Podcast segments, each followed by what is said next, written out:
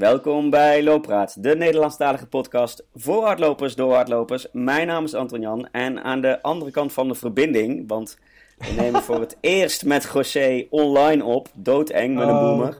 Eh José Vicente, hoe gaat het José? Hey, goeiedag Deel. ja, Eh, goeiedag Deel. Ja, eh, oh, je begint met hoe gaat het met mij? Ja. Ja, nou ja, dan, ja, wordt eventjes een paar minuutjes. Zo ben ik opgevoed, ik- José, ja, dat nee, ik dat heel vraag. goed. Ja, ik wou het allemaal naar jou te doen. Ehm, Ik was van de week even boos, verbaasd en toch ook wel eh, teleurgesteld. Eh, het had alles te maken, niks met hardlopen, maar een beetje met wat er gebeurd was. Eh, heel Nederland is niet zo natuurlijk als dat ik dacht. En dus is, Oh, we gaan niet over politiek Ja, hebben, hè? het is geen BBB-praat. Ja, nou, vooruit, ja. En hierbij Ja. heb ik alles gezegd. Maar toen, ook met dankzij hun zat ik ook in één keer eh, gelijk in die tegenvibe van... Hé, hey, wat, eh, wat is nou het, tegenovergestelde van boos, verdrietig, eh, is natuurlijk geluk. En ehm, ik, ja, als ambassadeur van geluk mag ik dat dan even zo noemen. En- ik kreeg van de week trouwens een, een hele mooie brief van het ministerie van Geluk. Later meer daarover. Ik zie je nu al denken, maar echt een, een leuk, goed verhaal.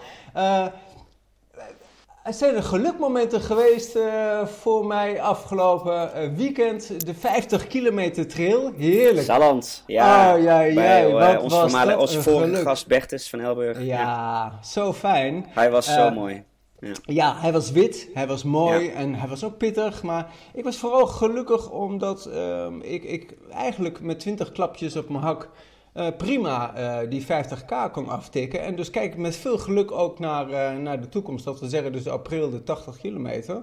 En ehm, ja, vandaag had ik ook van die momentjes van geluk, weet je wel. Dan ben je aan het lopen en je komt mensen tegen en je zwaait. En ja, ik voel me dus echt super even in de gelukstemming. Want zo waren gisteren twee uur gelopen zonder pijn in mijn hiel. En dat is echt even geluk. Ja, ik steek ja. mijn duim op, dat zien de luisteraars niet. Ja, maar, eh, ik voel me echt blij. Ja. En jij, hoe gaat het met jou, man? Ja, goed. Ja. goed. Ik eh, ben dus ook gestart op de 50 kilometer van de Salland Trail. Ja. Maar we wisten al dat het die niet eh, zou afmaken. Dus ik heb één loopje gelopen van 25 kilometer. Mega genoten van inderdaad Ja. het parcours en de sneeuw en de strakblauwe lucht. Leuk, hè? Eh, het was wel erg vervelend dat ik bij de start mijn ehm vetersysteem, hè, dus zo'n touwtje met zo'n mm, kapot trok. Dus ik heb 25 kilometer met één open schoen gelopen. Dat is niet lekker, kan ik je zeggen. En eh, wa- wat, ik ook, wat ik ook zag, je liep op de Adidas T-Rex, nog wel een pittige schoen. ja, en een Eh, hele oude. Ik had gewoon. ja. ja, ik heb gewoon de verkeerde schoenen meegenomen. Dat Ja, was niet eigenlijk. Is zo. Maar heb je genoten? Ja, ik heb van het uitzicht genoten. Eh, maar toen het wat warmer werd, werd het ook wat modderiger en wat zachter. En toen bleef ieder, elke stap bleef die schoen in de modder zitten en mijn voet eruit. Dus Oh ja. ja. dat was niet top. En met die, eh, met die verkiezingen, om nog even één, voordat we naar onze gast gaan. Oh, toch wel, even één, één Ja. dingetje. Het, is, het is perfect. Oh. Want al die boeren moeten nu de politiek in. En is meteen het probleem van te veel boeren opgelost. ja, dat is, eh, eh, dat is echt perfect dit. Dus het Ja. komt helemaal goed. Oh, gelukkig maar. Nou. Ja. Hé, maar even over geluk gesproken. Eh, jeetje, nou ja, onze gast van vandaag, die heeft ook al diverse momenten van geluk meegemaakt. Eh, als ik haar lijst zo heb bekeken, dan denk ik, oh, ze heeft wel hele mooie dingen gedaan. Kan jij haar verder, verder introduceren? Ja, zeker. Aan de andere kant van de plas, of ja, dan niet dan die hele grote plas, maar eh, het kanaal, ehm, eh, zit eh, eh, inmiddels al klaar eh, onze gast van vandaag. Eh, zij is eh, model, eh, actrice, eh, voice-over, eh, eh, misschien ook wel eh, binnenkort looppraat, jingle eh, inzingen. Eh, maar bovenal hardloopster en avonturier. Eh, Manon Schutter, welkom Manon in, eh Yes, in Looppraat. dankjewel. Nu verwacht iedereen dat ik natuurlijk heel netjes ga praten. Eh, ja, ja, eigenlijk wel. Ja, Ja. Goed zonder accent. ja. ABN. Ik zal, ik zal erg mijn best doen. Ja, Wees vooral jezelf, zou ik zeggen. Ja. hey, vertel eens, want hoe, hoe is het nou, hè, want dat is onze eerste vraag waar we altijd mee begonnen. Hoe is dat nou voor jou begonnen, dat hardlopen? ja, goede vraag. Ehm, nou, ik heb altijd wel veel gesport, vroeger gehockeyd. Maar, ehm, en op een gegeven moment zat ik volgens mij heel veel in de sportschool. En toen was ik daar een beetje klaar mee. En toen mijn toenmalige vriend, die kwam er een beetje mee van... Even naar buiten, hoofd leegmaken. Laten we beginnen met hardlopen. Ehm, en dan zo'n uh, eerst zo'n programmaatje van vijf keer één minuut of zo. Of van online gewoon gedownload. Zo'n beginnerschema naar vijf kilometer. En uh, ja, dat gedaan. Uh, maar van, ik ben meestal best wel competitief, lijkt. en oh. vooral als het om sporten gaat. Mm -hmm. dus die 5 kilometer werd 10 kilometer. En toen ik 10 kilometer wilde ik ook met een evenementje meedoen. En nou ja, jullie kennen het waarschijnlijk van kwaad tot erger. En um, ja, hij heeft het volgens mij wel bij 10 kilometer gehouden. Maar ik uh, ben op een gegeven moment veel halve marathons gaan doen. En uh, dat was wel echt. Ik vond halve marathons heel erg leuk. Alleen ik hou ook heel erg van een uitdaging. Dus ja, dat wordt steeds iets verder. Steeds iets sneller. Steeds iets anders. En uh, dan kom je uiteindelijk zoveel jaar later bij ultra's terecht in het kort. En want je zegt nu zoveel jaar, zoveel jaar later. Wanneer was het precies dat je begon met het hardlopen en hoeveel jaar later? Ik moet even goed nadenken. Ik geloof dat ik in 2009 met dat 5 keer 1 minuut schemaatje ben begonnen. Oh ja, ja. En ik denk dat ik misschien in 2012 of 2014 of zo mijn eerste marathon, dus hele marathon heb gelopen, vermoed ik. 2018 mijn eerste ultra, dat weet ik wel. Kijk. Welke? Uh, dat was vanuit Essex georganiseerd, um, Dubai, uh, Dubai naar Oman. Dat was 180 ah, oh, wow. ja, wacht even. Meteen een hele bijzondere. ja, ja, ja. Dat is, was, dat, en was dat ook niet die zeven vrouwen met zeven landen? Ja, klopt inderdaad. Ja. Wauw. Dus dat was ja, meteen een bijzondere. Ja, ik heb daarvoor nog een 45 kilometer gelopen, maar dat, ik weet niet of dat een of 43 zoiets is. Dat was net boven de marathon. Dat is een ultra, officieel. Was september, dus dat was hetzelfde jaar wel. Maar ik, ja. ik hoor een klein kraakje bij Manon. Ja, hoor jij dat klopt. ook? Uh... Ja, ik, ik hoor hem ook. En dat was net, uh, dat was net tijdens onze... Uh, misschien moet ons... ik stil blijven zitten. Ja, misschien ja. is dat het inderdaad. Ja, ja want het schuift, dat hoor ik ook al eens, dat schuift dat microfoontje dan tegen je kleding. En, uh, ja. Dit is niet mijn uh, voice-over apparatuur. Nee, nee, nee dat, uh, dat zei je al. Je zit tijdelijk op andere apparatuur. Ja. Nou, wij ook, dus dat, dat komt heel Ik hou hier vast. Zo, ah, heel dit beter, denk ik. Wat was je eerste marathon? Mijn eerste marathon, Rotterdam. Rotterdam, ja. de Ja, ik vind dat in Nederland volgens mij denk ik de leukste wel. Ja, ik woon in Amsterdam, maar de marathon in Rotterdam is toch iets uh, gezelligs. Ja, dat vinden we volgens mij allemaal. Ja. ja. Ik ben het niet mee eens, maar goed, uh, ik heb hem ook vijf keer gelopen Rotterdam. Maar uh, ja? de laatste keer vond ik dat er zoveel hamburger, lucht, bier, schade bierlucht en lawaai uit de boksen kwam. Dat in principe Amsterdam voor mij mooier is. Maar hij blijft toch ook... altijd wel trekken, hè, Rotterdam? Voor mij is hij al lang geleden, dus misschien is het ondertussen nog erger of verschillend anders. Ja. ja. Maar Amsterdam is wat rustiger. Wat minder mensen. Ik heb wel het idee bij Amsterdam dat mensen denken: loop even door, ik wil oversteken. Mm En in Rotterdam moedigen ze je ook echt aan. Nou, daar heb je helemaal gelijk in. Ja. Rotterdam staat bekend om, uh, om echt een fantastische publiek. Want dat moet ik wel nageven. Uh, op de halve van Zwolle na heb ik nog nooit zo'n mooi, uh, fantastisch uh, publiek gezien. Maar goed, dat zal een persoonlijke gedachte zijn. Ja, hey, ja dus en, maar, moet ik dan nu zeggen dat je echt veel meer into de ultra's bent dan in marathons? Of blijft marathon nog steeds trekken? Marathon blijft ook nog wel trekken. Um, ik, ja, het wordt me natuurlijk vragen, vaak gevraagd van waar, waar ben je van? En ik weet eigenlijk zelf nooit het antwoord. Ik weet wel, nou eigenlijk trails trekken mij het meest. Want ah, als ik moet kiezen, ik had namelijk wel een keer, uh, ik had Barcelona op de planning staan. Toen dacht ik, daar ga ik helemaal voor. Ik wil nog steeds een goede tijd lopen op de marathon. Maar toen werd ik uitgenodigd om bijvoorbeeld naar IJsland te gaan. Dan moet ik zeggen, is die keuze makkelijk gemaakt. Ja. dan ga ik toch voor het avontuur. Snap ik. En je zegt dan nu uitgenodigd. Is dat via dat Essex? Want je was vroeger bij Essex uh, Runfluencer, als ik dat even zo mag noemen. Ja. Um, en, en dat is nu bij Falken Sport dan. Hebben we ze allebei even benoemd ook, zullen ze blij mee zijn. was dat toen voor Essex en hoe werkt het dan? Want je had nog wel flink wat landen op je naam staan ook, uh, zie ik. Ja, ik denk dat ik wel heel erg geluk heb met mijn connecties hier en daar. Um, ja, ik zat eerst bij Essex Frontrunner. Dat was Dubai. Um, ja. IJsland is eigenlijk via, via, via iemand anders was ik aangeraden. Dus het was heel erg. Door corona was het afge. hadden ze de datum moeten verplaatsen, dus ze hadden plekken over.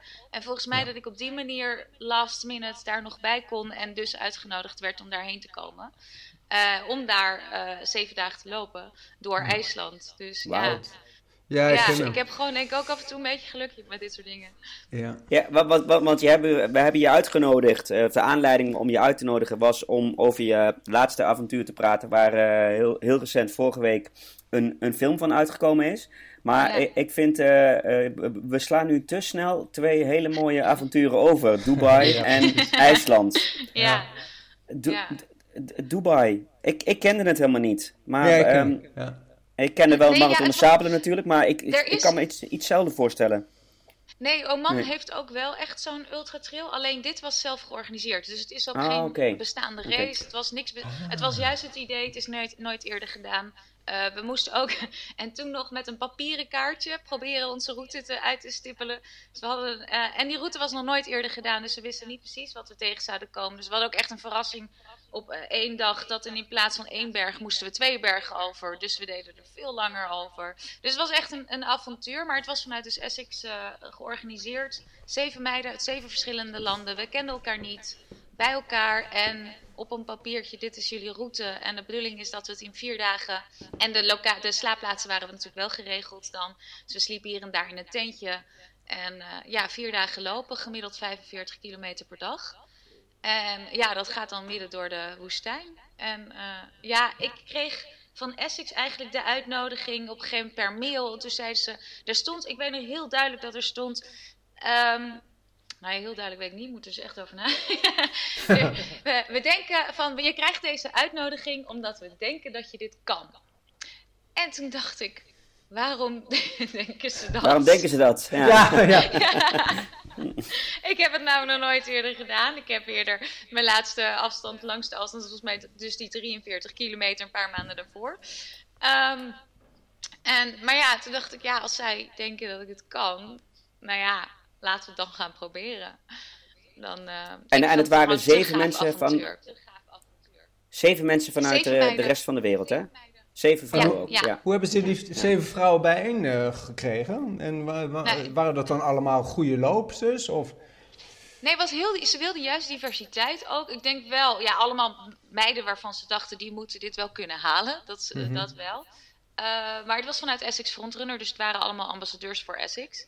Ehm, maar met allemaal verschillende achtergronden. En sommigen hadden inderdaad ook nog geen ultra's gelopen. De ene loopt 4, 4,5 uur per marathon. En de ander is professioneel marathonloopster geweest voor, ehm, voor GB, voor eh, Engeland. Een van de meiden, Floriana uit Frankrijk, die heeft onlangs zelfs, dat was haar eerste ultra toen, 2018. En zij heeft onlangs een 100 kilometer, eh, volgens mij de wereldrecord of zo gelopen zelfs. Oh, wauw. Dus er zat wel wat Ja. potentie in, zeg maar. Ja. Ja, ja en toen, eh, ja, dus we kwamen met z'n allen bij elkaar. Daar, daar zagen we elkaar twee dagen van tevoren. En eh, toen gingen we lopen met z'n allen. En de bedoeling was dus wel dat we bij elkaar bleven als één groep. En, eh, en zo dat avontuur beleefden.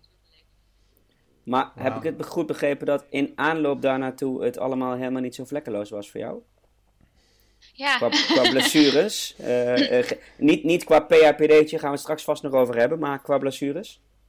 Ja zeker. Ehm, er was nog iets, en Essex, toen ze dat hoorden, werden ze ook nogal nerveus. Ik had in 2017, dus het jaar daarvoor, had ik mijn enkel gebroken, mijn banden gescheurd, het membraan tussen mijn botten gescheurd, dus mijn enkel was goed kapot. En eh, dat Hoe is heeft dat echt gebeurd? lang geduurd. ja, op een hele suffe manier.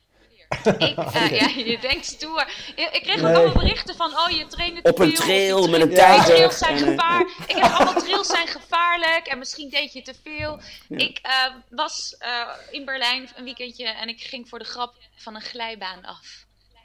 En onderaan de glijbaan was het. Ja, dus, en gewoon recht. En ik was niet dronken, moet ik er ook altijd bij zeggen. En ehm, ik ging gewoon recht vooruit met mijn beentjes van de glijbaan af. Alleen er lag Oh. zand onder. En dat zand was nat geworden en blijkbaar een soort van drijfzand geworden. Dus ik kwam neer en het ging wel hard. Mijn been bleef staan en ik niet. Oh. Ehm, Krak. dus die trok ik uit het zand en toen hing mijn voet er echt gewoon Ah. naast. Oh. Ja. Ja, Dus je kan er wel een goed verhaal van maken door bijvoorbeeld eh, dat je een trail liep en je viel en je kwam een olifant tegen en je dacht je moet hem een trap tussen eh, zijn ogen Ja. geven en dan... Als Maar goed, dat doen andere mensen al voor jou. het verhaal wat te verbeteren, ja, top. Ik, Ja. ik sta open voor suggesties. Nee, José, jeetje, hè, José jeetje. verwijst, Nee, eh, ja. Manon, Ja. José verwijst naar een... eh, Luistertips ook welkom, kom maar. nee, José verwijst naar een kijktip van de vorige keer. Oh, Eh, echt? en dat was namelijk eh, van eh, Nienke Brinkman. ehm, Oh. Oh, eh, tijdens ik heb haar ook... Ja, ik heb het op YouTube gezien van haar. Ja, dat, Ja. waarin Oh, ze vertelt hoe zij haar pols gebroken heeft. En dat ze dus een tijger op de neus geslagen heeft. En José dacht serieus dat dat echt waar was. Eh Nou, heerlijk. Ja. Eh, dat heb ik nooit zo verteld, maar ik, heb, ik had wel mijn diep fronsen erbij. Maar wat ik wel weet, het laatste nieuws is dat MGM, eh, Warner Bros. Pictures, haar gecontracteerd heeft Ja, voor ja, naast de aankomende film. Ja, ja, Ja, ja. ja. goed. Hey, hey. En, en toen ben je dus een jaar lang ben je gewoon in revalidatie gegaan, Manon. Ja. Hoe is dat voor jou geweest? Dan kan je niet rennen en... Nee, ik, kon, ik heb negen maanden echt helemaal niet mogen of kunnen hardlopen. Dus dat was echt twee ma zoveel maanden in een rolstoel, krukken, wandelen. Ehm, ja, ik weet niet, ik heb er nooit heel erg over nagedacht. Ik denk dat het helpt. Ik kwam bij de chirurg en ik zei alleen, ik moet weer hardlopen. Mhm. dus fix dit goed. en, Wat zei hij ehm, en toen? Van, eerste- "S- wees blij dat je überhaupt nog kunt lopen straks. Eh, Ja, het- ja. ze zijn dan altijd best wel, eh, ja, hoe noem je dat? Po- politiek eh, correct in die zin. Ze Ja. zeggen niet, nou, dat kan je vergeten, maar het is ook niet van tuurlijk. Nee. Alleen in mijn hoofd was dat wel logisch. eh, dat ik gewoon weer terug zou zijn. En ik denk dat het me ook wel heeft geholpen in de revalidatie. Dat ik er echt niet over na heb gedacht dat het misschien niet helemaal perfect weer zou eh, herstellen. En na de operatie was het inderdaad gewoon, wat kan ik wel doen? Dus ehm, ik bleef trainen, alleen mijn enkel mocht ik dan in het begin helemaal niks mee. Ik mocht ook niet zwemmen vanwege de druk van het water zelfs. Ehm, dus het is gewoon alternatieven zoeken. En dan heb ik wel een goed netwerk om me heen om te helpen. Wat voor oefeningen kan je wel? Ik heb een goede rolstoel gekregen van een eh para-atleet. Eh, die had een reserve-rolstoel. Dus toen kon ik eh, mijn kilometers maken. Want ik miste het, het, de duurlopen ook echt, gewoon mentaal. Eh, juist als Je je kilometers zit. maken als in met eh, Ja. als een wheelie. Met de Of, eh, rolstoel. ja, ja. Ja, dus gewoon ja. met mijn armen waren ook echt eh, s- tien keer groter geworden. Ik paste mijn eigen Ja. kleding niet meer. Ehm, maar gewoon lekker buiten zijn en wel een soort ja, kilometers maken, je hoofd leegmaken. Mhm. Ehm, dat was voor mij wel belangrijk. En ik ben veel in de sportschool geweest, omdat dat hetgene was wat ik toen kon. En ik dacht, ja, dan is het maar een goed moment om aan alle, behalve dan dit linkerbeen, aan alle dingen te werken wat ik nog, waar ik beter in wil worden. Dus je core training. Ehm, ik wilde proberen mijn mobiliteit van mijn andere enkel dan te vergroten. Dus gewoon dingetjes waarvan ik dacht, nou, daar kwam ik nooit aan toe. Laat ik dat dan maar oppakken. En die kleine projectjes helpen dan wel om de focus een beetje te verleggen van ik ben aan het revalideren. Het voelt meer dan als trainen. Ja. en ik denk met, met, met blessures is het lekker dat je voelt dat je niet een patiënt blijft voelen, maar dat je gewoon lekker aan, aan het trainen bent. Ja, En toevallig is dat dan op een andere manier.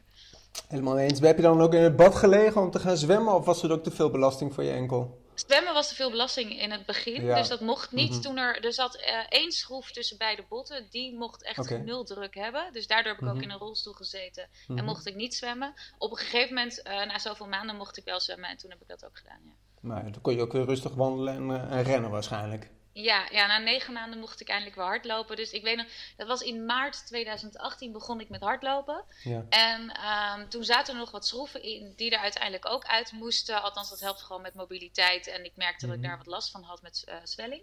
Dus eh, mijn doel was voordat ik de laatste operatie zou hebben, ehm, om dan een marathon te lopen. Zodat ik een beetje het gevoel had, ik ben terug. Ja, mooi. Eh, dus ik heb maart ben ik begonnen weer met dus zo'n vijf keer één minuut. Ja. Zoals ik vroeger ook begonnen was. En in september dan de eerste marathon gelopen. En daarna een operatie gehad om die schroeven te verwijderen. Het enige was, we hadden het trouwens over Dubai, Oman, ja. Ja. is dat ik die uitnodiging kreeg van hun, van Essex, voor mijn laatste operatie. Zij wisten niet van die laatste operatie. Nee, nee, nee. dus Maar daar had je dat schrokken gewoon- ze wel van. Ja, want, eh, hè, want je, je, je bent heel eh, actief natuurlijk op, eh, op de social media. Hadden ze dan niet al eh, stiekem kunnen meekijken en kunnen zien van... hé, hey, er is er dan een hand met die dame?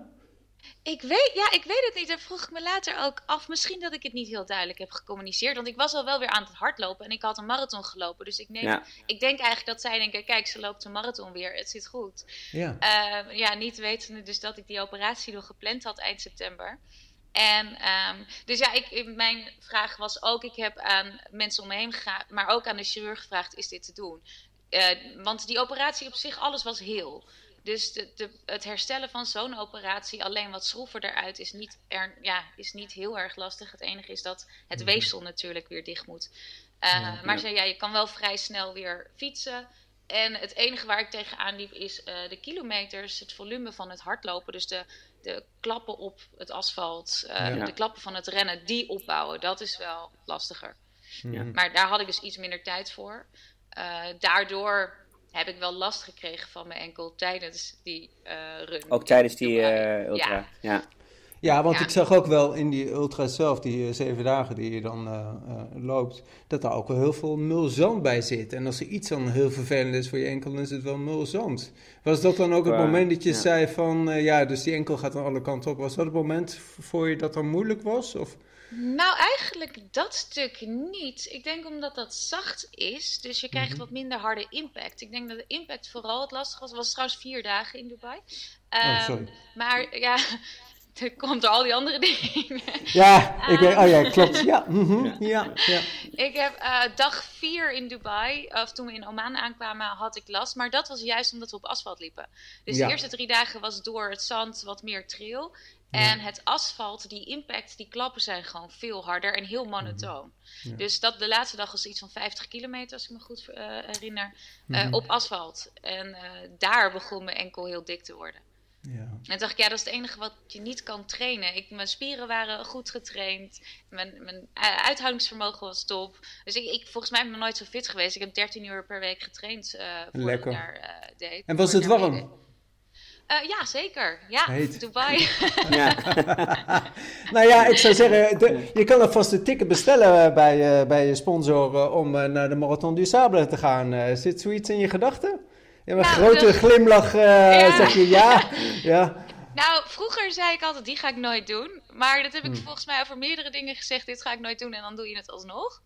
Ja. Dus ik zeg zeker niet dat ik die nooit ga doen. En het begint, hoe verder je komt, hoe meer dingen gaan kriebelen. Dus ik, Mhm. alleen moet je daar ook je eigen route uitstippelen, geloof ik. Nee, of niet? nee dat hoeft Oké, niet. want daar ben, ik Ja, niet zo, nee. daar ben ik niet zo van. Ik wil gewoon Hey, lopen. het, het is wel, ik ga je wel zeggen, het is wel slim als je kunt navigeren. Want eh, er zijn er een paar al eh, verdwaald geraakt. eh, en Ja, je ik moet heb kunnen. dus- ja, Ik heb volgens mij zo'n documentaire gezien dat eentje Ja. zoveel dagen kwijt was. En dat Klopt. dan niet. Zeg maar. Ja, Dat, dat ja. gaat me iets te ver qua avontuur. ze hebben alles uitgezet, maar als er een zandstorm is, dan weet je niet meer waar je heen moet. En dan moet je echt kunnen navigeren in het donker, zeg maar. Eh, ja, en dat is wel spannend. Ja, Over Oh, gesproken, José. We hebben het in de inleiding niet eens over de Barkley Marathons gehad. Nee, ja, dit, dat laat ik even aan jou als een super Barkley-fan. Want eh, mijn dank is daar. Ja. Want we hebben een, een app samen. eh, met, waar nog meer eh, gezellige vrienden in zitten. En eh, ja, zo'n beetje op een dag zie ik dan 20 eh, tot 30 eh, van die eh, Updates. appjes langskomen. Ja. Updates. eh. Ik hoef niks meer te volgen. Ik volg alleen mijn app. En eh, ik zie gelijk wat er gebeurd is. Ja, wat een feest was het. Maar op het einde was er dus een van de renners eh, die het laatste boek niet kon vinden. Omdat Ah. een wandelaar het boek had weggehaald. Omdat hij dacht dat het al afgelopen was. Ah, vertel Eh, eens. Eens. Ja, Ja. ja. en toen heeft hij, ehm, om te bewijzen dat hij daar geweest was, eh, Mhm. zodat ze, die, die mensen ehm, van de organisatie hè, eh, eventueel terug zouden kunnen gaan naar die plek om, om dat te zien, heeft hij Ja. een eh, steenmannetje ehm, eh, gemaakt. Ah, dus een, eh, van, eh, ja, dit, dit is het bewijs dat ik hier nu nog geweest ben. Eh, Dan ben je nog best wel helder van geest. ik vond het heel knap, want ik, ik las vanmorgen in een Belgische krant dat Karel Sabbe 12 uur lang non-stop heeft, ehm, heeft gehallucineerd. Eh, dus ehm, die, die we overigens heel graag binnenkort eh, ook in Loopraad eh, gaan verwelkomen. Maar Ja, eh, nee, het was een hele bijzondere editie. Eh, heb jij, Ja. jij ook gevolgd dus, Manon? Ja, een beetje. Ja, ik zag Mm. van heel veel mensen die ik, ik weer volg. Dat ze, ik wil het eigenlijk nog even ergens, als ik het kan terugkijken, ergens op. En ik ga jullie podcast dan luisteren met Karel Swam, want ik vind het wel echt heel interessant. Ja, het Ehm, is een maar heel is het, bijzonder is het iets wat Ja. jullie ooit zouden willen doen? Nou, e- eerlijk te zijn, ik zie bij Anton Jan, ja nu niet, eh, als hij zo in het cameraatje, maar ik, ik merk dat de passie bij hem er meer in zit eh, dan de passie bij mij. Ik heb wel eens wat Barkley-avonturen eh, gehad, maar dat had dan niks met de Barkley zelf te maken. Dat wil zeggen dat ik dan helemaal onder de krassen zat, maar daar raak ik zo zagrijnig van. Die boeken zoeken, dat vind ik echt wel een fantastisch verhaal. Ja. En, en je route navigeren, dat lijkt me ook geweldig. Ehm, maar ja, het er zijn toch wel wat dingetjes waarvan ik zeg van ja, het is toch wel anders dan een bergultra, zeg maar. Eh, Ja. eh, Ah, ik zou dolgraag ja, een keer iemand crewen. Laten we Ja. het daarop houden. Daar zijn, dat Ja. zou ik graag een ja, keer doen. ja, gewoon meemaken. Uh, ja, en het, is natuurlijk, het moet bewust ook wel een beetje klein blijven. Want dit jaar uh, was er bijvoorbeeld ook een sponsor die een paar dagen van tevoren al gezegd had dat twee van hun atleten daar waren. Uh, ja, dat is eigenlijk helemaal niet handig, want dan nee. ja. trekt dat weer publiek aan en, um, en media ja. ook. Ja. Maar ik zou graag een keer een crew zijn van, een, van de eerste Nederlander die hem gaat uitlopen. Ah ja. ja, ja, maar ja, dan, dan kom je heel snel bij. Niet. Dat weet je van tevoren niet. Nee, dan nee. kom je al heel snel bij Thomas. Hè? Thomas heeft altijd wel een vaste crew, maar die zat uh, dit ja, jaar ja. helaas er niet bij. uh, ja. Nee, nee, ja, nee. maar goed, wat leuk. Hè? Leuke primeur. Dus we gaan eh, Karel eh, misschien binnenkort weer krijgen. Ja, de op, ja. Ja, en dan, en dan, ja, als ik dan toch eventjes een brug mag maken. eh, ik, ik, ik heb een paar keer bij jou gehoord, Manon, dat je het had over een Barclay Experience. En dat had vooral te maken met, eh, ja, met een van de laatste etappes eh, die je natuurlijk hebt ge- gelopen in, eh, in de film. Die is gemaakt. Uh, want vertel eens, ja, als ik zo vrij mag zijn, uh, er is een film gemaakt over iets fantastisch wat je hebt gedaan. 550 kilometer in 11 dagen. En dat is met zes dames. Hoe Ja, was dat klopt. zo? Ja, dat was de la het laatste avontuur. Eh, nee, dat was met Valken. Eh, Valk, ik ben nu Valk-ambassadeur. Ehm, die, heeft me, ja, die heeft ook weer eigenlijk hetzelfde idee wat met Essex was, maar dan voor Valken. eh, zes meiden gevraagd om Mhm. in Amerika van Boston naar New York te lopen. En eh, dat was inderdaad 550 kilometer in 11 dagen. Als je een rechte streep of eh, direct over de snelweg is het overigens korter. Maar we wilden een stuk Appalachian Trail eh, meepakken. Ja. En dat, nee, dat hebben we gedaan. En dat stuk Appalachian Trail heb ik ergens op dag 7 of zo, geloof ik, gezegd. Een soort van Barkley Experience. Wat, en wat maakt dit een Barclay Experience voor jou? Ja, en de grap is, nu krijg je natuurlijk vragen, wil je die ooit doen? Of mijn broer zei, ja, ja. klinkt, klinkt alsof je hem gedaan hebt. Nee, het was, het was gewoon eh, ja, heftig. Eh, we hadden één dag dat ongeveer alles misging. We in het donker liepen, over de trails, de weg kwijtraakten. Alles dat... Dus we begonnen al met de dag, eh, we moesten 60 kilometer lopen. In ons GPS stond iets van 1400 hoogtemeters. Dat bleken er uiteindelijk 3000 te zijn. Ehm, de auto die bracht ons altijd water om de 10, 15 kilometer, maar die kon ons niet bereiken. Dus de stops die ze hadden uitgezocht, die klopten niet, die waren er niet. Ehm, dus we hadden elke keer te weinig water, liepen langer door. Uiteindelijk hadden we echt een toffe crew die dus film en video deed. En die Mhm. heeft eigenlijk ons gewoon ehm, ja, achtervolgd. Dus zij zijn gaan redden met hun apparatuur zelfs en water voor ons. En die hebben ons uiteindelijk, eh, ja, bij, eh, zijn uiteindelijk bij ons gekomen. Zeg maar na 20 kilometer of zo het eerste stuk. Ja. En toen hebben we dus weer water gevuld. En het was nog een keer later die dag dat het ook. Dus we liepen in het begin ook wat langzamer om te hopen dat zij ons konden inhalen.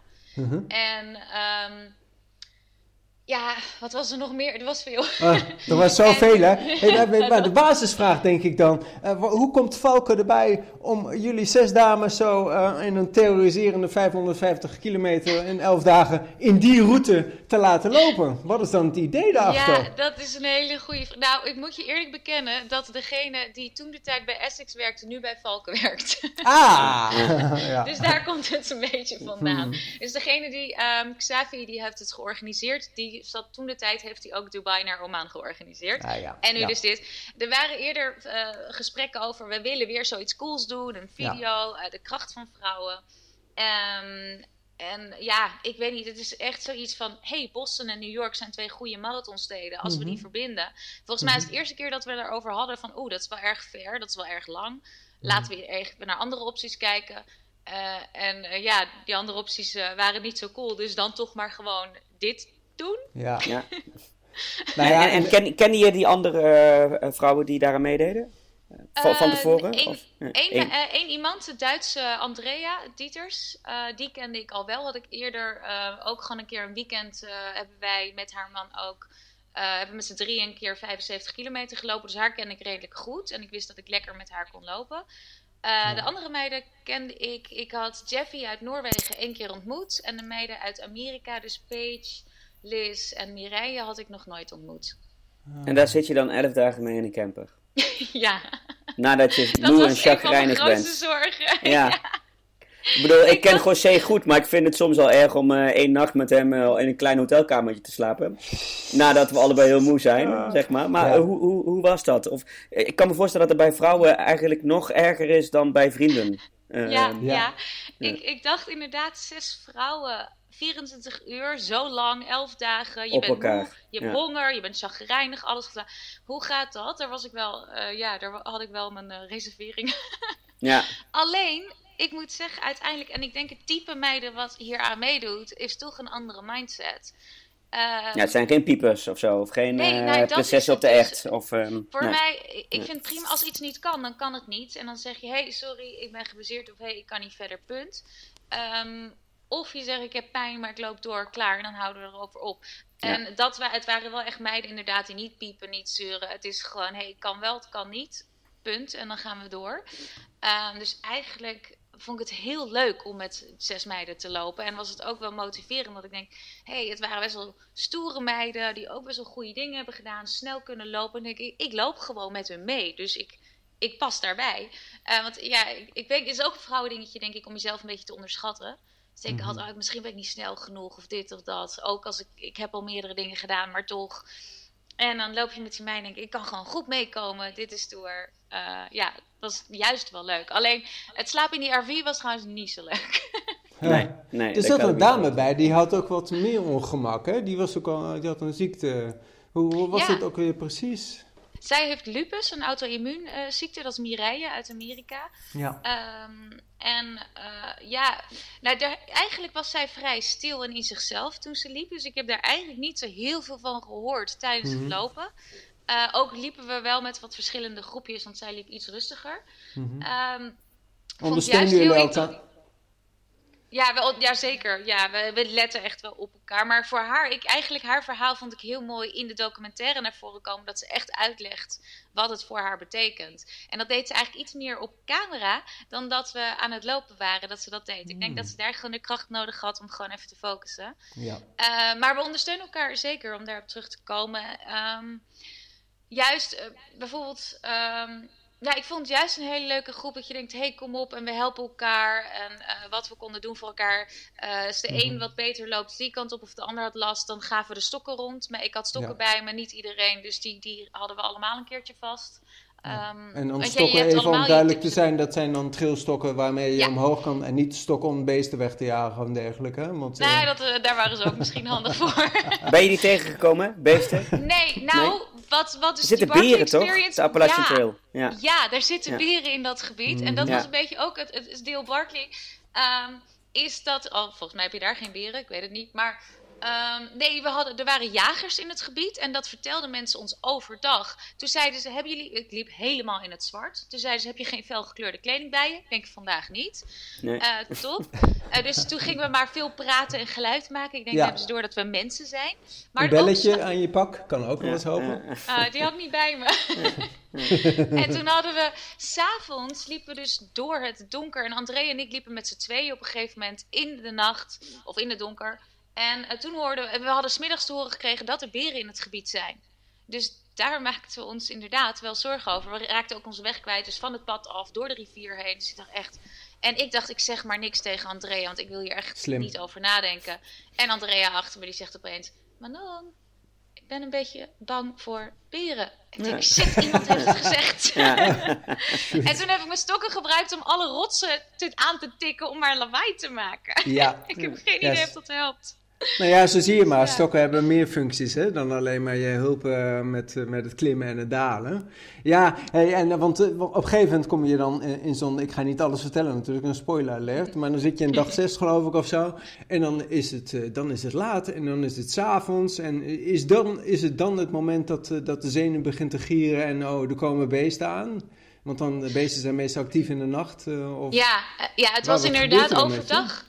Ja, overdag dachten we, weet je, mensen op de trail, dat, dat is allemaal Veel prima. hikers ook, waarschijnlijk. Ja, veel hikers inderdaad. Dus, uh, Ja. Maar s'nachts of s avonds inderdaad, met z'n tweeën ook, in plaats van met een groep van zes.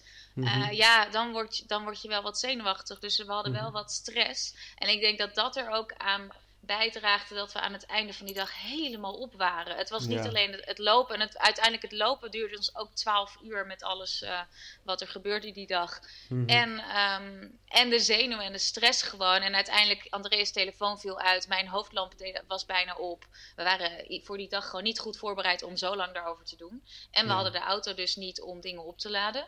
Ja. Eh, dus het was gewoon alles was een beetje op het nippertje, zeg maar, dat, dat je denkt het gaat net goed. Dus, en we Oh, dus ik wisten kom- niet precies waar die RV stond. Dus Mhm. uiteindelijk hebben we het geluk dat we die RV net op tijd wel zagen. Maar dacht, ja, ik, als jouw telefoon uitvalt, dan moeten we gewoon naar het eerstbeste huis gaan proberen te zoeken. Om daar iets Ja. op te laden. Dus we zaten al een soort van backup plans te bedenken toen we die RV zagen. Dus toen we in die- RV kwamen s'avonds na 12 uur eh avonturieren. Dat is geen Mhm. woord, geloof ik. Maar Nee, ehm, Mag, hier mag Toen, dat eh, gewoon.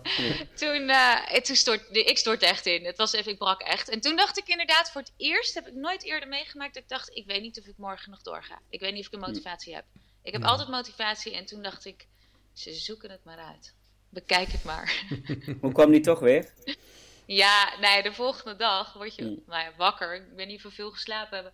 En eh, je gaat op automatische pilootje. Iedereen om je heen doet zijn kleding aan. Je doet je kleding aan. Je gaat weer starten. Ja. Eh, het enige wel dat ik dacht nog... Ik had een kleine soort van eh, backup in mijn hoofd. Dat ik dacht, we komen na 10, 15 kilometer de auto tegen. Hmm. Ehm, dan kan ik altijd nog uitstappen. Ja, Maar ja, ja. dan loop je 10, 15 kilometer. Word je Dan ga je door. Ja. Want je hebt het over uitstappen. Zijn er dus dames eh, die eerder moesten opgeven? Of eh, kon dat dan? En hoe werkt zoiets eh, uitstappen? Uitstappen zou ik niet helemaal noemen, maar een dag overslaan. Of, het was echt wel gewoon luisteren naar je lichaam. Ontdek je eigen grenzen. Ja. Dus het was, ja, ergens is de uitdaging natuurlijk loop 550 kilometer in 11 dagen. Maar dat is ook niet voor iedereen weggelegd. En ik moet eerlijk zeggen, we hadden vijf, zes weken of zo om voor te bereiden. Dat is eigenlijk Hmm. te kort. Ja, om een groot niet. volume uit te bouwen. Ja. Ehm, dus het was echt gewoon eh, verschillende tempo's. Verschillende, sommige meiden liepen een halve, eh, een halve dag zeg maar een keer mee. Om dan uit- wat uitgerust te zijn om de volgende dag weer te lopen. Dus het was echt eigen grenzen. En, en ook gewoon verstandig zijn. Want ja, je kan wel door blijven rammen. Maar we wilden ook niet eh, echt geblesseerd raken. Zeg maar. Ja. Wat deden jij- aan herstel in die RV? Herstel. Ja? Ja, we hadden een masseur mee. Dus dat, Ja. dat moest zeggen scheelt echt enorm. En ook een warme douche helpt, eh, merkte ik al. Want Ik vind het gewoon heel leuk om te horen dit. Hè? Als masseur. Ja. Ja, ja. Ja, vooral de masseur, dat, eh, hè, Ja. dat helpt zeker. Ja, Ja. ja. Ja, en een kleine reclame dan, maar ik had zo'n massagegun van Flowlife. Dat scheelde Oh, ook ja. echt. Dat was Ja. ook Er is wat eh, ruis op de Ja, lijn nu. eh, Een massagegun, punt. Nee, ja, maar dat, dat scheelde ook al eh, enorm. En dus ja, die alleen soms was het wel, eh, je was laat terug. Iedereen moest nog douchen, eten.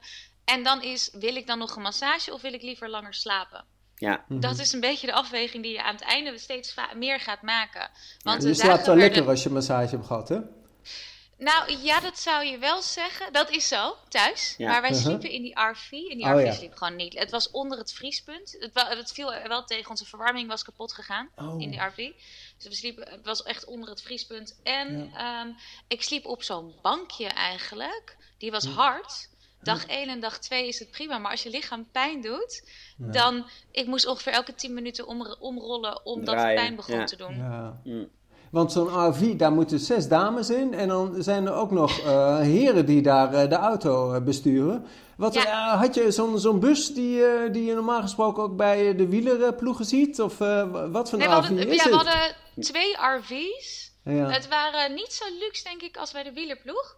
Mhm. Maar ehm, ja, er zat wel een douche in. ehm, net voldoende slaapplekken. Ja. Wauw. Eh, Ja. we moesten wel, ja, het bedje, bedbanken dingetjes. eh, Ja. Had je, eh, had je earplugs mee? Nee, nee, Oh, heb dus ik nooit. Niemand snurkte. Nee. Nee, geloof niet. Maar ik slaap ook, moet zeggen, ik slaap overal doorheen qua geluid. Oh. Ja.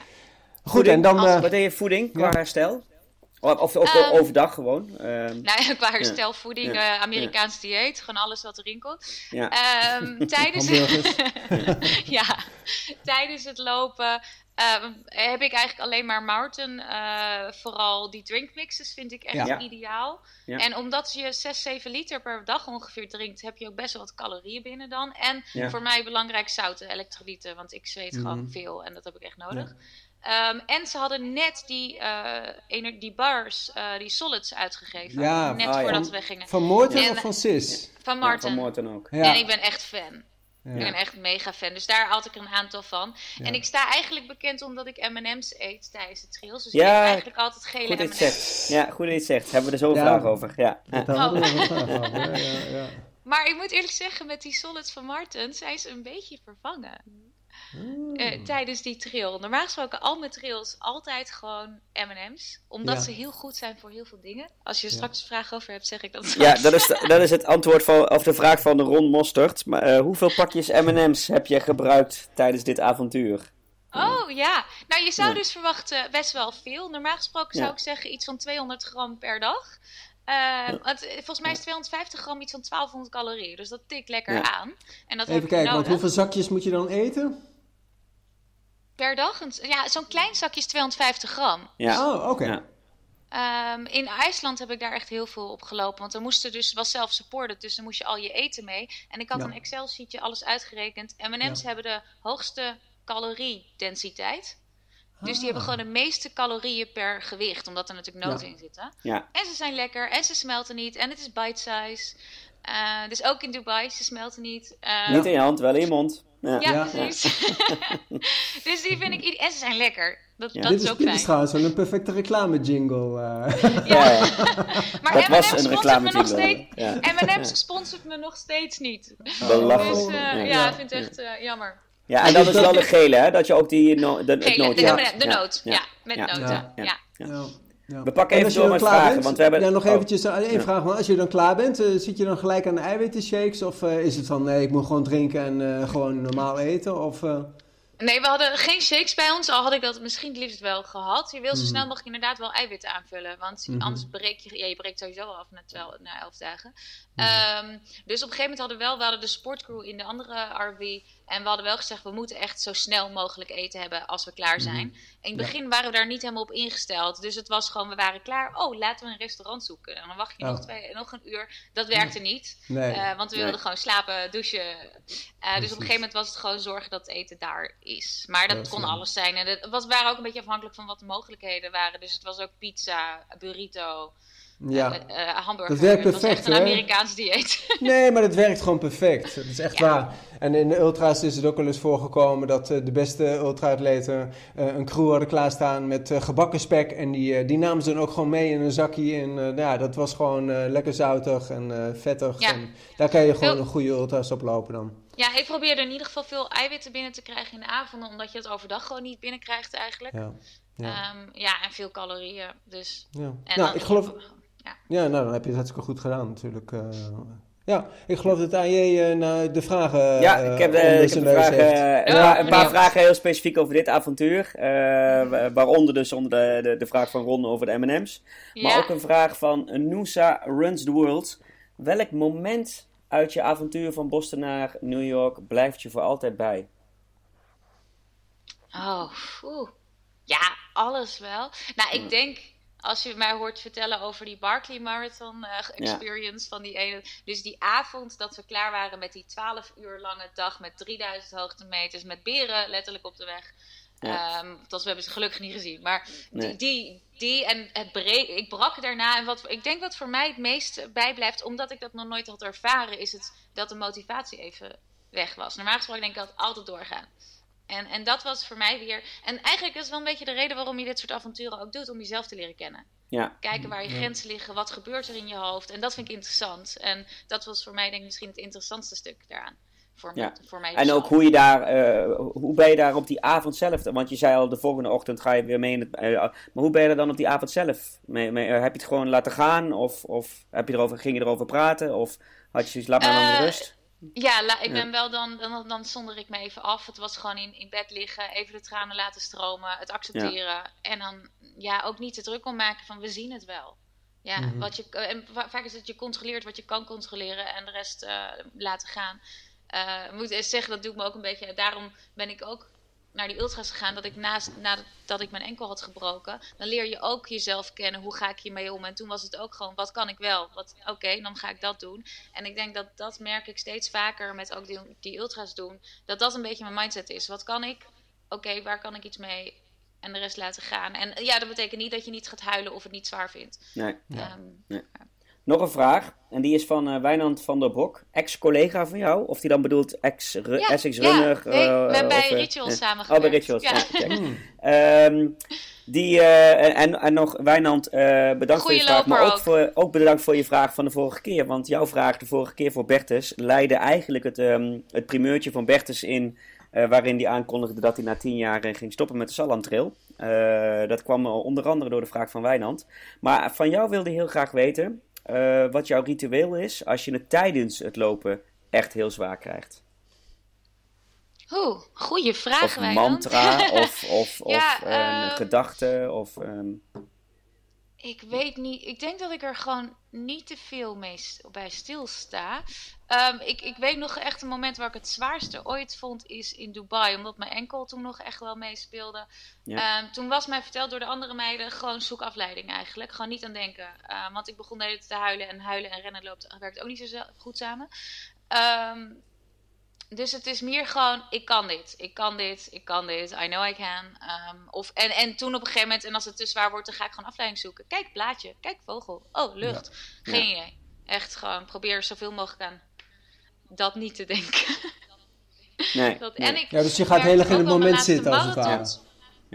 Ja, ja, misschien is dat in de... En het laatste marathons heb ik wel een keer dat ik dacht, hé, hey, mijn benen doen pijn. En toen dacht ik, maar ik weet nu met de ervaring die ik heb, door pijn kan ik heen lopen. Dus jezelf eigenlijk gewoon bevestiging geven, je kan dit. Ik heb deze pijn eerder gevoeld, het is wel eens erger geweest. En eh, pijn hoeft niet stoppen te zijn. En ik denk in het begin van het lopen dat je denkt, als je pijn hebt, oeh, dat is fout. Want dat is gewoon een automatisch signaal in je hoofd, dit is fout. En Ja. weten, ik kan hier gewoon, eh, ik kan dit negeren. Ja, en zeker een, zeker een bepaald soort pijn. Er is natuurlijk Ja, ook pijn, precies, die, ja. maar, maar die, die zegt ook echt wel, en nu moet je stoppen. Maar er is heel Ja. veel pijn waar je prima mee door kunt, inderdaad. Ja, ja, ja. ja, mooi. Ja, ik heb notabene van José ooit geleerd dat als je het zwaar hebt, zijn er twee dingen die je kunt doen. Eén, wat jij zegt, naar buiten. Om je heen kijken, alles opnemen, zodat je niet met jezelf bezig bent, zeg maar. En het andere is nu juist helemaal naar binnen. En dan wo- wordt het bijna een soort meditatieve eh, eh, toestand. En dat, dat werkt Ja. ook heel goed. En, ik en denk het- dat ik beide eigenlijk... Ik moet zeggen, ik Ja. denk dat ik beide wel doe afhankelijk van ja, waar ik Situatie. op dat moment dan behoefte aan heb. Ja. Ja, ja, ja. Oké, Mooi. eh, er was nog een vraag van uh, Marie Durieux wanneer eh, jullie gaan trouwen. Maar eh, dat, dat zal Ja. een, eh, een grapje zijn. Marie, ja. daar mij moeten we het nog even over hebben. Maar ik denk dat we eh, met Valentijn weer moeten afspreken. ja, heel goed, heel goed. Ehm, er was nog een vraag over ehm, Boston, New York van Running Benny. Ehm, zou je het nog eens doen? En zo ja, wat zou je anders aanpakken? Nou, ik zou het, ja, ik, ik zou het wel nog eens doen. Ik zou het liefst dan eh, niet in een RV slapen, maar in een hotel. Ja, Ja. Maar ik weet niet of ik daar iets. Maar als, ze- als ze me weer uitnodigen en ze zeggen je slaat op de grond, dan zou ik het waarschijnlijk nog doen. Ehm, eh, wa- wat zou ik anders doen? Het liefst zou ik langere tijd voorbereiding hebben, zodat ik echt het volume kan opbouwen. Eh, want dat is het enige. Je kan fit zijn, spieren, kracht hebben, uithoudingsvermogen. Maar dat, die, die, klappen op, eh, die klappen op de weg, zeg maar, daar heb je gewoon tijd voor nodig om je pezen, spieren, alles aan te laten wennen. Dus als ik iets meer tijd zou hebben om voor te bereiden, zou ik dat tiller vinden. we pakken gewoon door om het vragen. Ja. Eh, Deze gaat niet heel specifiek alleen over, ehm, eh, over eh, dit avontuur, maar meer ook over andere avonturen. Eh Jurian 013 vraagt: Wat is jouw Noordstar? Maar we pakken hem even door met een iets grotere vraag van David Klein, vaste vraagsteller en vriend van de show. Je hebt veel multistages gedaan, ehm, waaronder dus de Monte Rosa, Coast to Coast Dubai, IJsland, Boston, New York. Hij heeft zich goed ingelezen. Heel goed, Ja? David. Ja. Welke meerdaagse uitdaging zou je in Nederland nog willen doen en waarom? Ah, En ik dat wil je heb ook van ons weten, José. Ik Ja, heb kom ik de Dutch, Mountain, Ja. de Dutch Mountain Trail. Ja? eh, heb ik in coronatijd, want we mochten het land niet uit. Dat Nee. hebben we in twee dagen gedaan, 50 kilometer per dag. Dus Oh, die heb ik nice. gedaan. Ja. En eh, verder weet, ben ik niet heel veel goed bekend met trails in Nederland. Het enige wat ik lastig vind in Nederland lopen, heb ik gemerkt, is dat het zo vlak is. Dat ik de Ah, afwisseling een beetje mis. Ja. en In Dutch mentaal vind ik dat ja. lastig. En Op de de Dutch Mountain kon je wel Ja. los. Ja. eh, Ja. ja. ja. Ja. Ja. Jij, José? Maar ook die Want jij hebt Dutch Mountain Trail in één dag gedaan, toch? Of niet? José, heb jij hem non-stop gedaan, Dutch Mountain, of ook met een nacht erin? Ik heb bewust heb ik hem eh, heen en weer gedaan. Eh, niet in één ruk. Eh, allebei niet. Eh, bewust niet, omdat eh, ik, zie, ik zie dit soort tochtjes ook niet als een tocht aan zich, maar ik zag hem als een, eh, een voorbereidende Een training. training. Ja. Een, een, een C-wedstrijd, zo noem ik dat altijd, maar dan gewoon voor mezelf. En Ja. eh, ten tweede, ik doe hem altijd graag, of als ik hem alleen doe, of met een vriend, eh, dan iets meer, eh, ja, in, in twee dagen, liever iets intensiever dan eh, in één ruk. Maar ik vond hem heel mooi en ik raad aan iedereen eh, eens goed kijken naar het parcours om hem van de ene kant of juist de andere kant te lopen. Dus je kan ook beginnen in Maastricht en dan de andere kant op lopen. Eh, of in Egelshoven en dan naar richting Maastricht. Eh, ga je in de winter, heb je een probleem met de pont, wordt hij iets langer. Dan is hij Oh ja. 110 kilometer. Eh, en anders dan pak je lekker het pontje en dan is het mooi in de zomer. En dan kan je met één ruk doen, eh, dat kan. Maar je kan hem ook in twee dagen met een goede vriend. Ik kijk even eh, om de hoek. Ja. Ja, en, en op nog even David Klein terug te komen. Ik heb zometeen nog wel iets leuks. Dus eh, eh, jij, jij, jij, heb jij iets moois wat je nog zou willen lopen? in Nou Nederland? ja, ehm, mijn, mijn meerdaagse uitdaging in Nederland was natuurlijk mijn rondje Nederland over de eh, Ja. hele grens. Ehm, eh, en, maar er staan er nog meer. De Dutch Mountain Trail wil ik toch nog ook een keer in één dag doen. Ja. Eh, de, nou, ik, eh, ik doe met je mee. Ik, wil, Ja, ik zou hem ook ja. nog wel een keer in één dag willen. Ja, zeker We hebben wel, met een groep, eh, groep gedaan, ook voor de gezelligheid. En, eh, Maar ook het Krijtlandpad, hè, natuurlijk ook in, eh, in Zuid-Limburg. Eh, ik moet me denk ik beter inlezen in wat ja, er in Nederland te die is vinden heel mooi. eh, en daar heb je ook eh, meer dan genoeg heuvels. Ehm, Ja. Maar ik vind het verhaal van, van een, een tocht ook altijd wel belangrijk. En Ja. die Nederland eigenlijk bovenaan bij mij staat, is de Limes Ja. eh, route. Dat is een lange afstandswandeling. Heb, je- heb je die gezien? Wat zeg je? Staat bij, staat bij mij in de Komoot ook. eh. Oké, ja, nee, dus is de Limes-route. En dat is de noordelijkste grens van het Romeinse Rijk. Tot zover zijn de Romeinen gekomen in Nederland. Die loopt helemaal van oost naar west eh, Nederland. Of van west naar oost. En eh, daar is een, eh, een heel groot wandel, een heel lang wandelpad. Dus Ja. die zou ik wel een keer willen aftikken. Ah, die Niet gaan we samen Pieterpad. Niet het die gaan we samen doen. Dat eh, vind ik leuk. Bij deze Ja. vastgelegd. Ja, Ja. ja. Ja, dan nog een andere vraag. heb je dan eh, echt een eh, Noordpool? Noordstar, ja, dat vroeg, ik zeg altijd eh, Noordpool. Ja. En dat ja, bedoel- Wat betreft eh, hardlopen? een heel groot Ja, doel en dan met niet de mijn Barkley. ultieme doel. Ja. Ja. Wens, doel, droom. Mijn Western States, Gossesen UTMB. Bij jou? Eerlijk gezegd, denk het niet. Ik ben ook niet zo'n planner. Maar als je er een paar. Ik heb wel meerdere dingen die me leuk lijken. Maar om nou te zeggen, dat is het ultieme doel: UTMB, Transalpin. ehm, Ja. Of ergens Mhm. in een andere eh, continent, op een ander continent. Dus niet één specifiek, denk ik. Nee. Nee, het gaat mij gewoon om, om een gaaf avontuur. Maakt niet uit waar. Ik heb zelf nog wel een vraag eigenlijk die niet is gesteld, maar waar ik toch wel heel erg geïnteresseerd in ben. Ehm, nou, jij hebt echt duizenden volgers op, eh, op Instagram en eh, met jou zijn er heel veel van dat soort mensen. Ik, ik ken zelfs mensen die een miljoen volgers hebben. Maar wij, eh, als, als, als loopster, in hoeverre beïnvloedt die volgers nou eigenlijk je prestatie?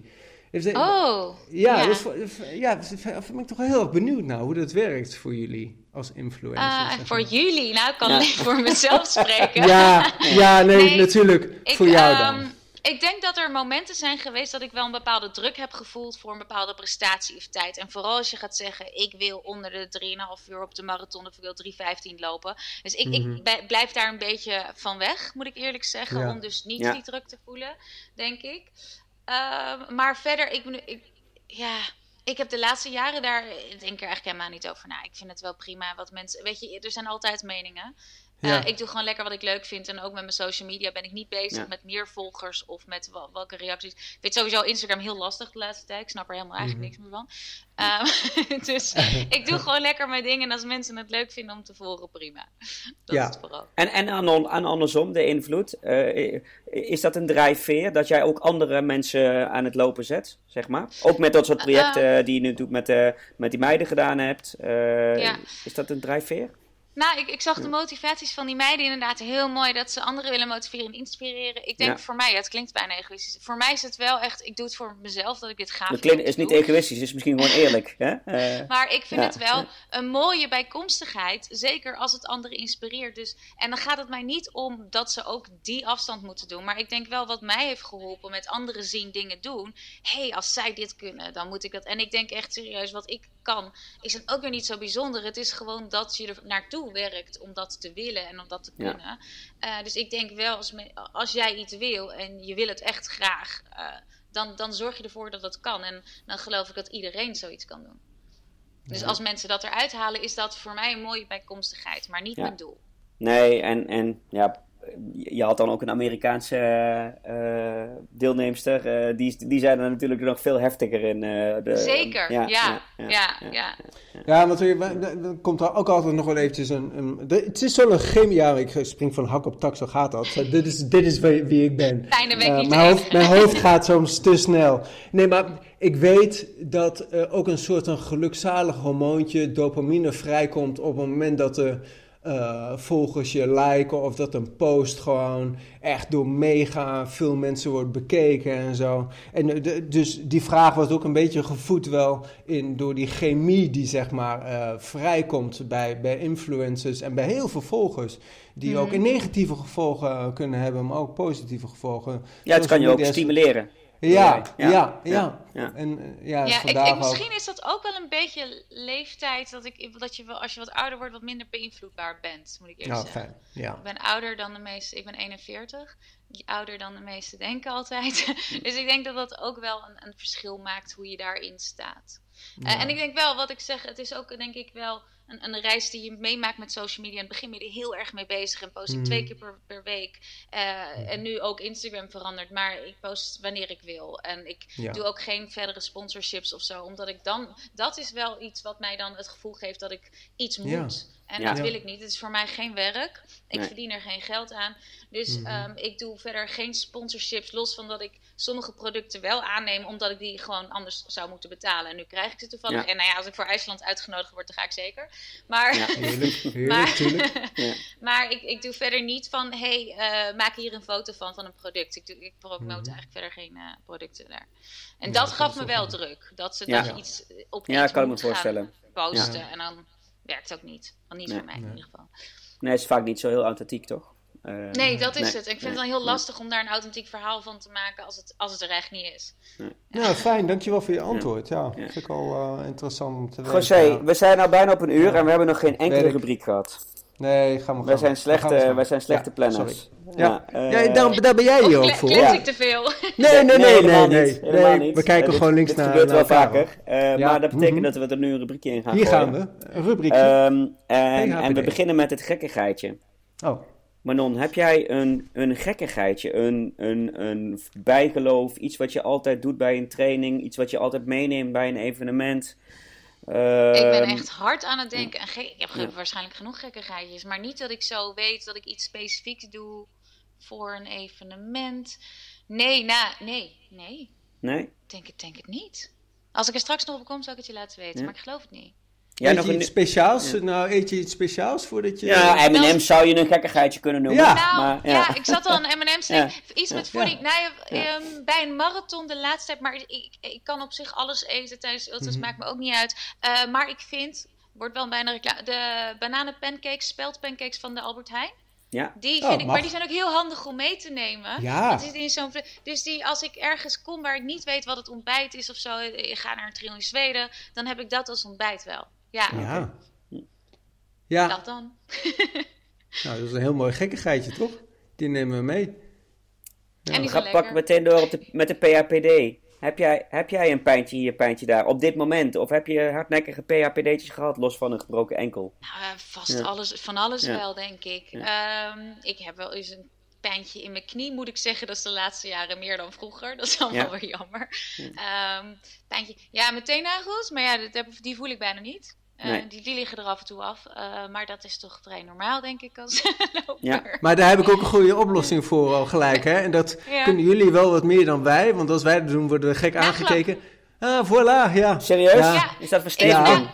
Nee, ja, nee, ik doe nagels erover, dan zie je het zwarte niet. Precies, en ik, ja, dat bedoel ik. Oh, en als, en als de nagels weg zijn, dan doe je er nagelijk over je teen, zodat je niet ziet dat je geen teennagels hebt.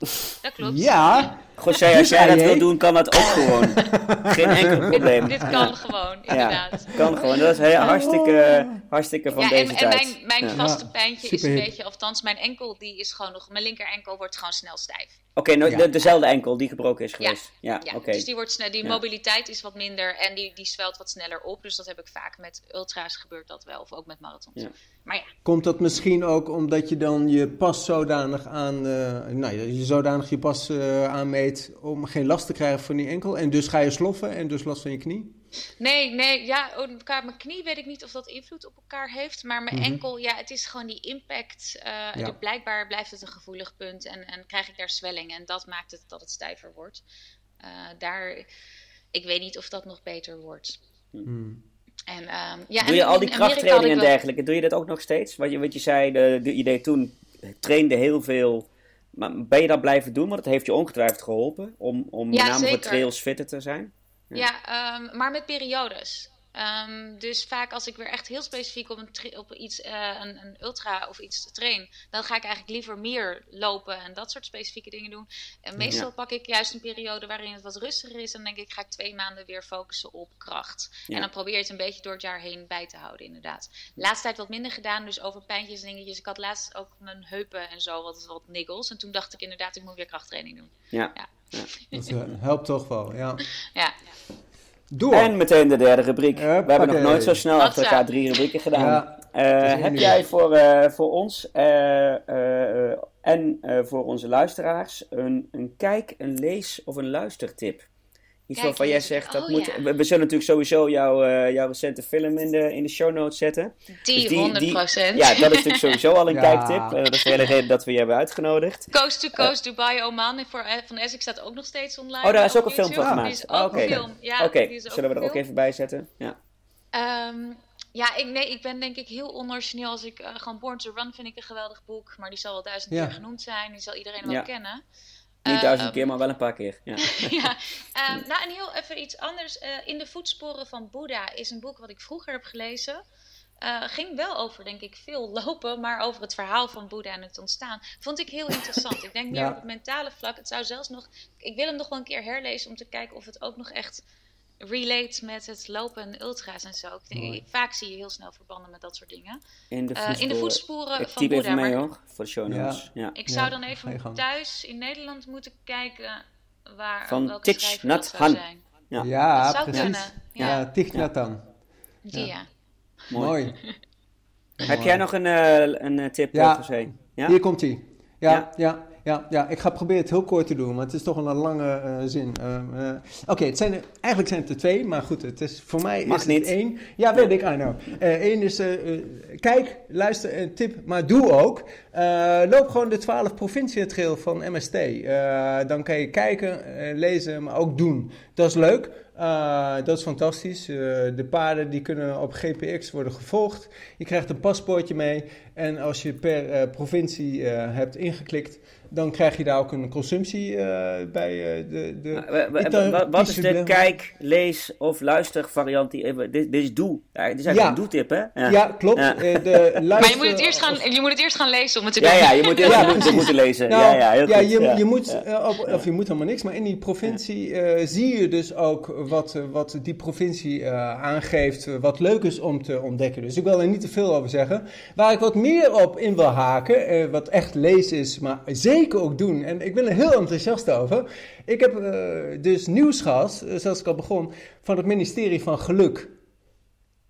Ja, ik hoor jullie frunzen, maar dit is geweldig. Ja, ik ben daar zo enthousiast over. Het ministerie van Geluk is bedacht door uh, Wilco Kruiswijk en ik ben hem heel erg dankbaar. Hij heeft namelijk uh, het Gelukkige Wijspad, heeft hij, uh, .nl, heeft hij een boekje geschreven en gaat over een pilgrimstocht. En waarom haal ik deze aan? jij hebt het over elf dagen lopen, het kan vijf dagen zijn. Nou, Wilco heeft gezegd je gaat gewoon zes dagen op pad. Door bossen, rivieren, door kleine dorpen.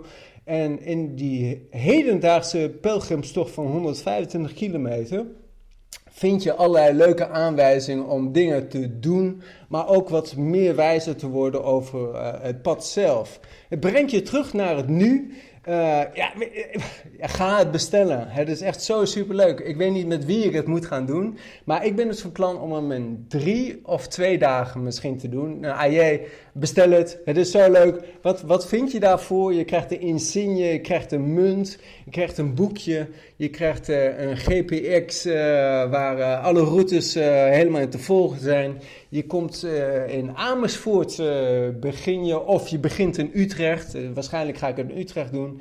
Je gaat via wijken bij buursteden naar Renen, naar Doren, naar Amersfoort en je loopt een ronde door bos, door steden, door dorpen. Ik ben wild enthousiast geworden. Ik heb hem net van de week gekregen.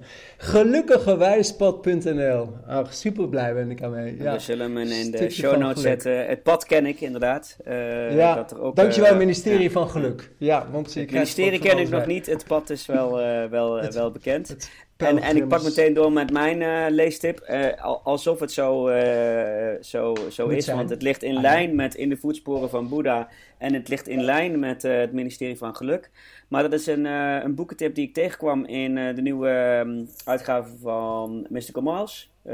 ook, ook een leestip natuurlijk. Maar volgens mij lezen al onze luisteraars dat al. Maar daar staat een boekentip in, dat heet Het Lot van Atalanta. En Atalanta was natuurlijk een, eh, een mythische figuur, een vrouw, die sneller liep dan, dan iedereen. Um, um, en pas zou trouwen met een man als, um, als zij verslagen zou worden door, door een man op, het, op een race. daar gaat het overigens niet over. Het gaat over, het is een boek geschreven door Hanna van der Busje. En het is ah. een filosofische verkenning van het lange afstandslopen. Ik heb het nog niet uit. Uh, want lees, ja, maar het, uh, uh, het, het begint veelbelovend. Nee, het is zeker niet dik. het leest makkelijk weg. Ehm, Vlaams. Hoeveel? 216 bladzijden? 208. ik altijd... Ik vind dat het als het dik is. Ik vind het lekker als ik lang, lang boek. Ja, tuurlijk, ik ook. Oh, lekker lang mag ik dan nog één tip? Ik bedenk me net. In ja, mag graag. Het hoofd weegt zwaarder dan de benen. Oh ja. Ja, van, Olivier uh, Verhagen. Of die al genoemd is. Die vind ik wel echt... Dat is een van de laatste boeken trouwens. Nou, niet alleen genoemd, maar hij is te gast geweest ook uh, in Loopraad. Ah, kijk, uh, Olivier. zelf wel, ja. ja. ja. ja, zeker. Olivier, um, ik, ik, weet nog wel dat ik bij Olivier, toen hij te gast was, zei... Uh, in Nederland heb je natuurlijk de uitdrukking: uh, gooi er een kwartje in. Uh, en. Nou, bij, bij hem hoeven we er maar 5 cent in te gooien. En verder hebben we de hele uitzending geen vraag meer gesteld, geloof ik. oh, dan val ik nog mee dus. Ja, nee, ja, nee, zeker. Zeker. Ja.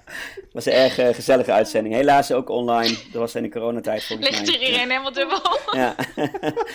ja. Ja.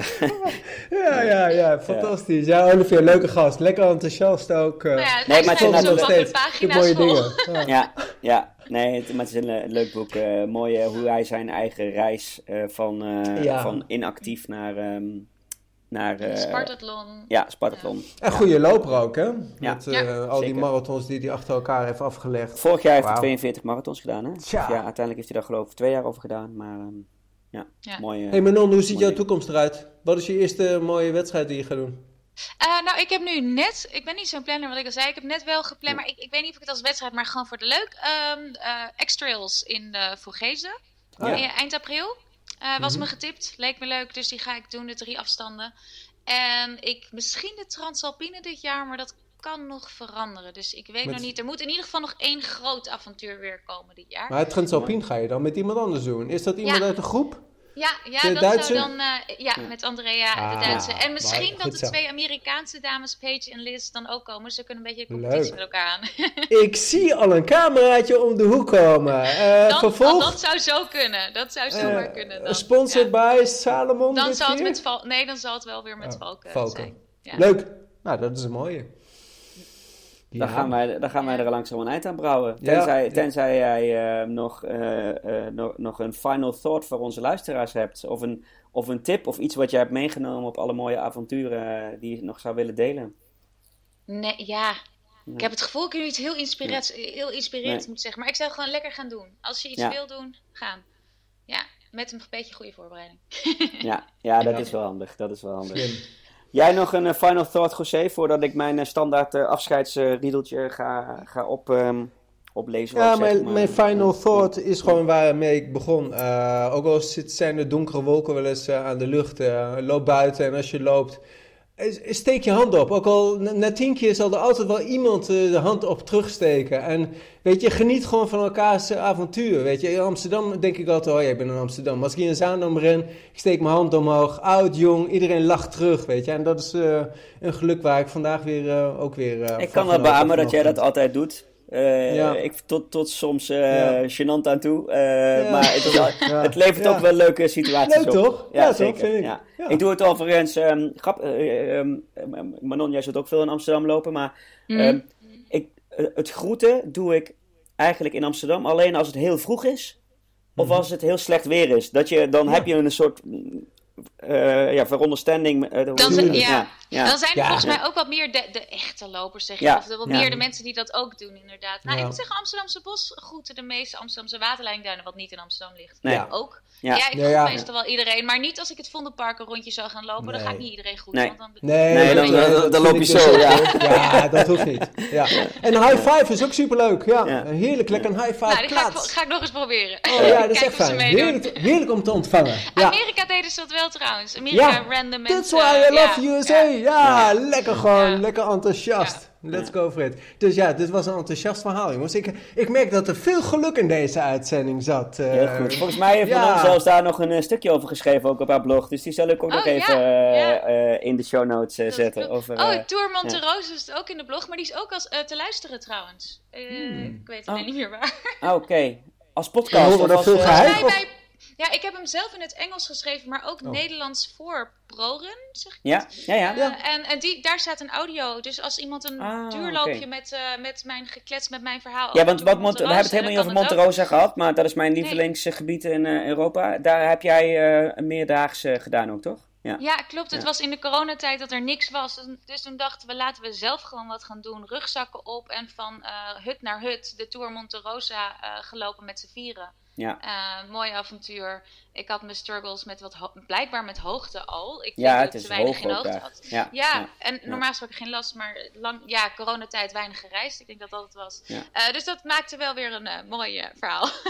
Gaan, gaan we ook noemen. En dat zou, dan ook, dat, dat zou dan ook mijn final thought zijn. Want ik heb er meegedaan met het evenement Monterosa. die is sowieso echt, echt geweldig mooi, die, die meerdaagse daar. Sowieso. Maar, maar wat jij gedaan hebt en wat, wat José en ik onder andere ook op de, Mon, de, de UTMB gedaan hebben, is uh, gok niet alleen op dat evenement. Ga gewoon ja. uh, erheen. De route ligt er, altijd. Een stuk minder druk. Um, um, en een stuk spontaner en leuker misschien ook wel om hem gewoon met vrienden inderdaad in een paar dagen uh, af te tikken. Ja, kan net zo bijzonder zijn als een start, um, start en Zeker. finish ja. en bijna elk hiking trail uh, kan je wel vinden en kan je ook rennen. Ja, ja. ja. Zo is dat. Ja. Um, heb jij nu uh, 1 uur, 11 minuten Elf. en 28 seconden geluisterd naar, uh, naar Loopraad, dan durf ik wel te zeggen dat je fan bent van, uh, van Loopraad. Uh, waarvoor heel veel dank. we vinden het ook heel fijn als je die, dat fanschap ook met ons deelt door een review te geven op um, Apple Podcast of ons uh, een aantal sterren te geven op Apple Podcasts of op Spotify. Uh, we zijn super blij als je je inschrijft op de nieuwsbrief op looppraat.nl, waar ook alle afleveringen trouwens te beluisteren zijn, naast in uh, alle podcast-apps. Ehm, als je je inschrijft voor de nieuwsbrief, krijg je altijd als allereerste een berichtje als er weer een aflevering live staat. Um, vriendvandeshow.nl slash looppraat zijn eenmalige donaties of abonnementen meer dan welkom, zodat wij niet alleen ons mooie mobiele opnameset uh, en hostingkosten en dergelijke kunnen betalen, maar ook uh, het mooie toeltje waarmee we nu online opnemen met Squadcast. Uh, dus daar zijn we super blij mee. vergeet ik nog iets in mijn riedeltje, José? Nee, ik ben heel, oh ja, heel sterk aan ja. Oh, ja, ik ja. durf wel, of ik, ik, kan wel al zeggen dat onze volgende gast is Daan Glory. Ja. ook een goede, goede loper. Um, goede marathonloper ook. Um, en hij is op dit moment uh, op trainingskamp in Kenia, in Iten. Um, Ik ehm, zag hem met, uh, op de foto staan met Elliot. Ja, nou ja, dat, uh, alleen dat al is de moeite waard om hem daar even naar te vragen. maar ik vind het super interessant dat iemand die eigenlijk nou, niet professioneel marathonloper is, maar wel degelijk heel goed kan lopen, dat hij er ook zoiets doet. En nou, hij uh, stuurde al een berichtje dat hij al 20 uh, eh, A4'tjes vol heeft met uh, nieuwe inzichten en, en learnings en verhalen. Dus daar komt hij heel snel ehm, over vertellen in, in ja. Looppraat. En laat er maar kopietjes meenemen. Dan wil ik graag nog een, een naslagwerk hier thuis hebben om ja. door te nemen. Nou ja, ik denk, ik denk dat een van de boodschappen van hem ook zal zijn: ga zelf heen. Ehm, maar ja, dat. Ehm, hij is wel goed voorbereid. Ja. Hij is zeker goed voorbereid. ja, ja. Leuk man. 1.13 hè? 1.13. Super bedankt voor het luisteren en tot de volgende. Dankjewel Manon. Graag gedaan. Dankjewel jij. Jullie ook bedankt.